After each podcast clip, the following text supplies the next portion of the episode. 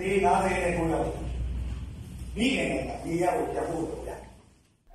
ထိုင်းလူအခွင့်အရေးရှိနေများကောင်စီနဲ့ထိုင်းရောက်မြန်မာအလုပ်သမားရေးဆောင်ရွက်သူတို့တွေ့ဆုံပြီးအထောက်ထားမဲ့မြန်မာရွှေ့ပြောင်းကလေးတွေနေရပြန်ပို့ခံရတဲ့အကြောင်းနဲ့ရွှေ့ပြောင်းလူသားတွေရဲ့ကြုံနေရတဲ့အခက်အခဲတွေအကြောင်းဇွန်လ16ရက်ကထိုင်းမြန်မာနယ်စပ်မဲဆောက်မြို့မှာဆွေးနွေးခဲ့ကြပါတယ်။အဖမ်းဆီးခံထားရတဲ့မြန်မာကလေးငယ်68ယောက်နဲ့ပတ်သက်လို့မြန်မာအရေးလှုပ်ရှားသူတွေနဲ့ထိုင်းဥပဒေရေးကျွမ်းကျင်သူတွေကိုတက်နိုင်တဲ့ဥပဒေပေါင်းအတွင်းကနေပါဝေပေးဖို့နဲ့ အပိုင်း64နေဆက်ချက်ကျော်လုံးလုံးခွင့်ကင်ဆောင်ထားတဲ့ရွှေ့ပြောင်းလူသားတွေအတွက်လက်တလောခက်ခဲတွေကိုကူညီပေးဖို့အလုပ်သမားရေးလှုပ်ဆောင်သူတွေတောင်းဆိုခဲ့ကြတာပါ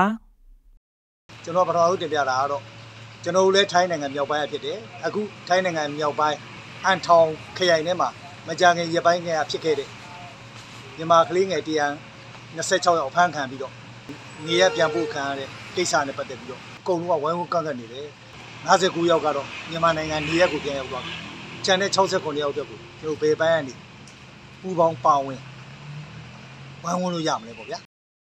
ထိုင်းနိုင်ငံအန်တိုခိုင်နယ်ကထိုင်းရီဝတ်ထရစာတင်ကျောင်းမှာအထောက်ထားမဲ့ရွှေ့ပြောင်းကျောင်းသား126ယောက်ကိုထိုင်းအာဏာပိုင်တွေကဖမ်းဆီးပြီးဇွန်လပထမပတ်တွင်ကနေရပြန်ပို့ဖို့ကြိုးစားခဲ့ပါတယ်။ကလေး126ယောက်မှာ59ယောက်ကိုမြန်မာနိုင်ငံဘက်ပြန်ပို့ခဲ့ပြီးကျန်တဲ့ကလေး68ယောက်ကိုတော့ချင်းရိုင်ခရိုင်နယ်ကကလေးတငယ်များယာယီပြည်ပြင်ထိန်းသိမ်းရေးစခန်းမှာထိန်းသိမ်းထားပါတယ်။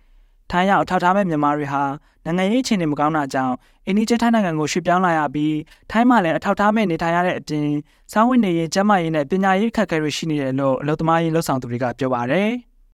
လက်ရှိဒီဘက်မှာနေနေတဲ့အလုပ်သမားတွေအတွက်ပေါ့နော်တရားဝင်နေထိုင်မှုအတွက်တွေအများကြီးဆွေးနွေးနေတာတွေရှိတယ်လက်ရှိတရားမဝင်တဲ့အတွက်ကြောင့်မလို့ခက်ခဲရင်ဆိုင်နေရတာတွေကစာဝန်နေရေးပဲဖြစ်ဖြစ်ကျန်းမာရေးပိုင်းတွေပဲဖြစ်ဖြစ်ဒီပညာရေးပိုင်းပေါ့နော်ဒါတွေပဲဖြစ်ဖြစ်ဆိုတော့ရင်ဆိုင်နေရတဲ့ခက်ခဲတွေအပေါ်မှာဆွေးနွေးနေကြတာဆိုတော့လက်ရှိရွှေ့ပြောင်းလုပ်သမားတွေအတွက်အများကြီးထောက်ကူပြုမဲ့အစည်းအဝေးတစ်ခုဖြစ်တယ်လို့ပြောယူဆရပါတယ်ဟု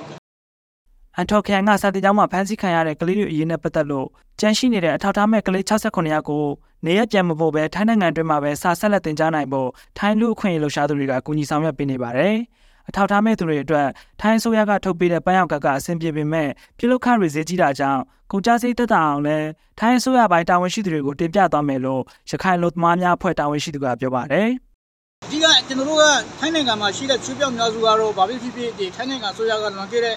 6နှစ်ခနယ်ကထုတ်ပေးခဲ့တဲ့အဲ့လိုပန်းရုံကက်တစ်ခုတည်းရပြီဆိုတာနဲ့အလုပ်လုပ်လို့ရတယ်ခရီးသွားလို့ရတယ်ဘန်ကက်လုပ်လို့ရတယ်ရမုန်းနဲ့ဆန်လုပ်လို့ရတယ်အကုန်လုံးလုပ်လို့ရတယ်ဒီကက်ကက်နဲ့အဆင်ပြေတယ်အဲတိုးတယ်လေတော့ဒီကက်ဟာနိုင်ငံမေးလူတွေအတွက်ဖြစ်တယ်ပေါ့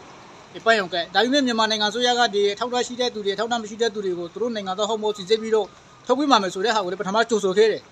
အဲနောက်ဆုံးပိုင်းမှာကဘာဖြစ်လာလဲဆိုတော့ဒီကုန်ကြိုက်စိတ်တွေကဒီလို